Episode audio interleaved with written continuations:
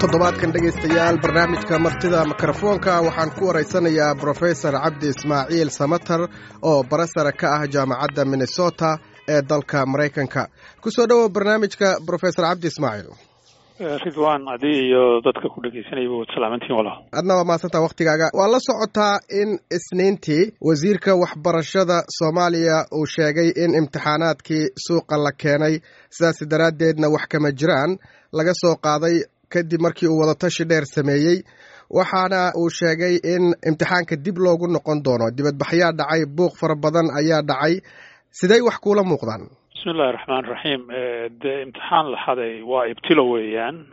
Waxayna ina tusasaa inaan loo shaqaynayn sidii iimaanka iyo caqliga uu ku siinayey. Waxaana waxa weeyaan masiir iyo mustaqbalkii ardayda soomaaliyeed iyo ummadda soomaaliyeed waaye marka imtixaanadu inay u dhacaan sidii awalbahay u dhici jireen una qashku u dhici jireen ayay hayd. Waxaa keenay sanadkan inay sidaas u dhacdo oyna kal hore dhicin. Ayaa su'aal la isweydiina de arrintaana dawladda ayaa ka mas'uula. Laakiinse in si wanaagsan oo miyir qabta looga baaraandego in go'aano deg dega la gaadhino waa muhiim dhalinyarta imtixaanka gashay in badani dee waxaa laga yaabaa inayna waxan iyaku ku jirin iyaka qudhooda in la qadariyo culayska dul saarnaa ay imtixaankii ku galeen iyakoo daacada oo ay waraaqihii ku dhiibeen.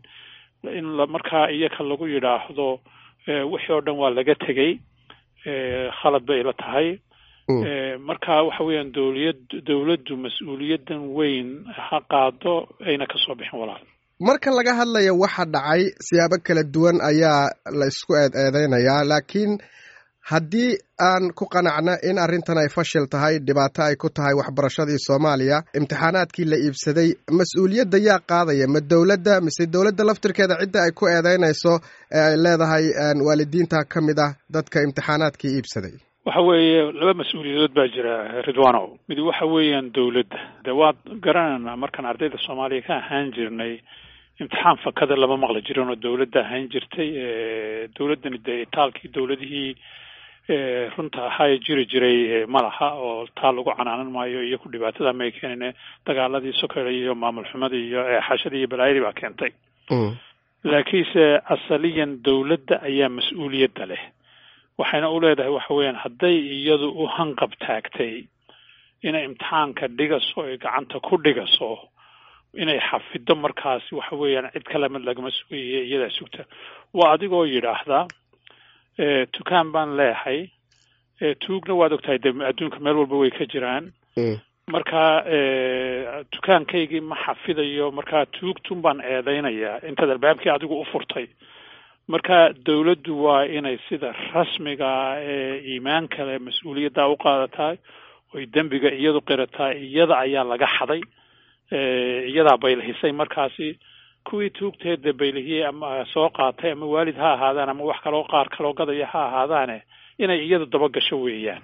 Laakiinse waxa adduunyada waxa lagu yaqaanaa wax dhiila caynkan oo wada waddankao dhan ku baahsan oo dhacda markay timaado dadka mas'uulka ka ah waa inay qoorta soo dhigtaan.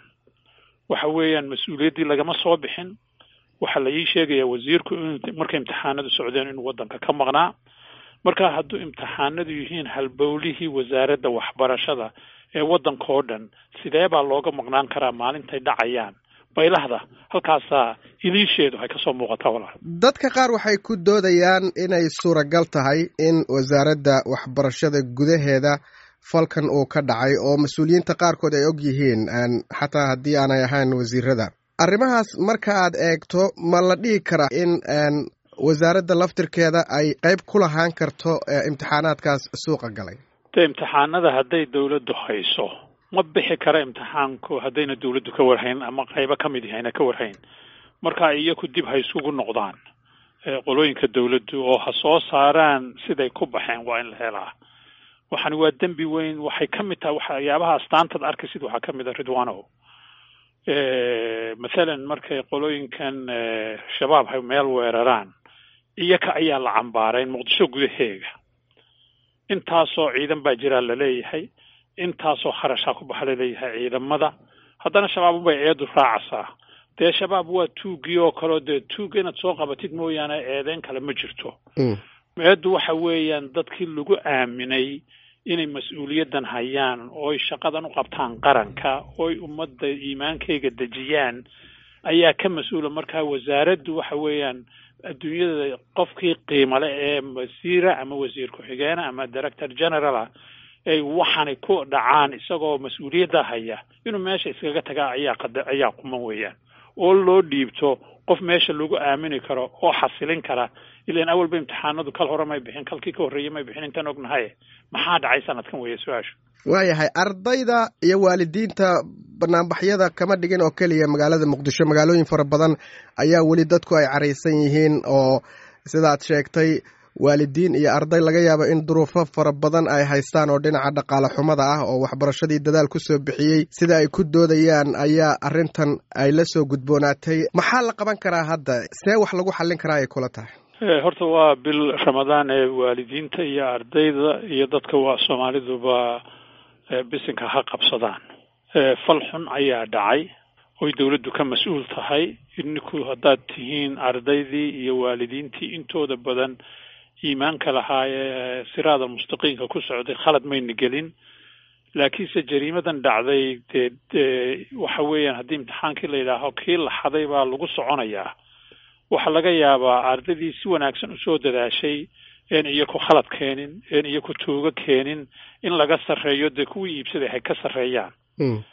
Marka waxa weeye horta dadku ha isdejiyaan looma baahna rabshado uma baahnin waa inuu caqligu shaqeeyaa waa inay dooda xalaashii socotaa oo dawladdana gar lala dhigtaa ninkii ka mas'uula ama dadkii ka mas'uulana qoorta hay soo dhigtaan marka waxa weeyaan in dib looga baaraan degeen lagu degdegin oo laodhan imtixaankii waxa la qaadayaa shan cisho dabadeed baa la qaadayaa in dadka lala tashado la duruufahooga la ogaado dabeedna go'aan markaa la gaaray ila tahay laakiinse dadku ha isdejiyaan rabshado wax soomaaliya ha u soo kordhinayaan ma jiro laakiinse dood xalaaleha aynu haddaynu nahay dadkii ardayda ahaa iyo dadkii waalidiinta ahaa ee xaqa ku socday.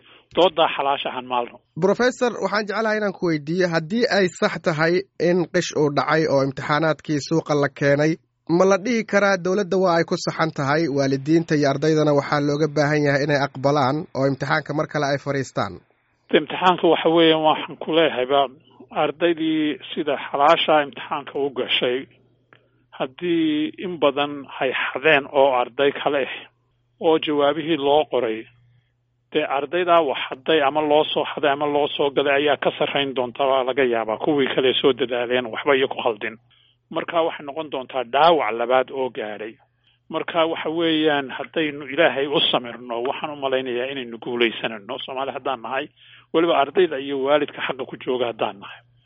Marka waxa weeyaan in wada tashi degan la galo oo la dhaho sidee baa imtixaan cusub loo samaynayaa sidee baa imtixaankaa cusub loo sugayaa ilaan imika kuwii iibiye tan lagu aamini kari maaye sidee loo sugayaa inuu sax yahay una bixin marka waxa weeye jidka caynkaasa in la maro.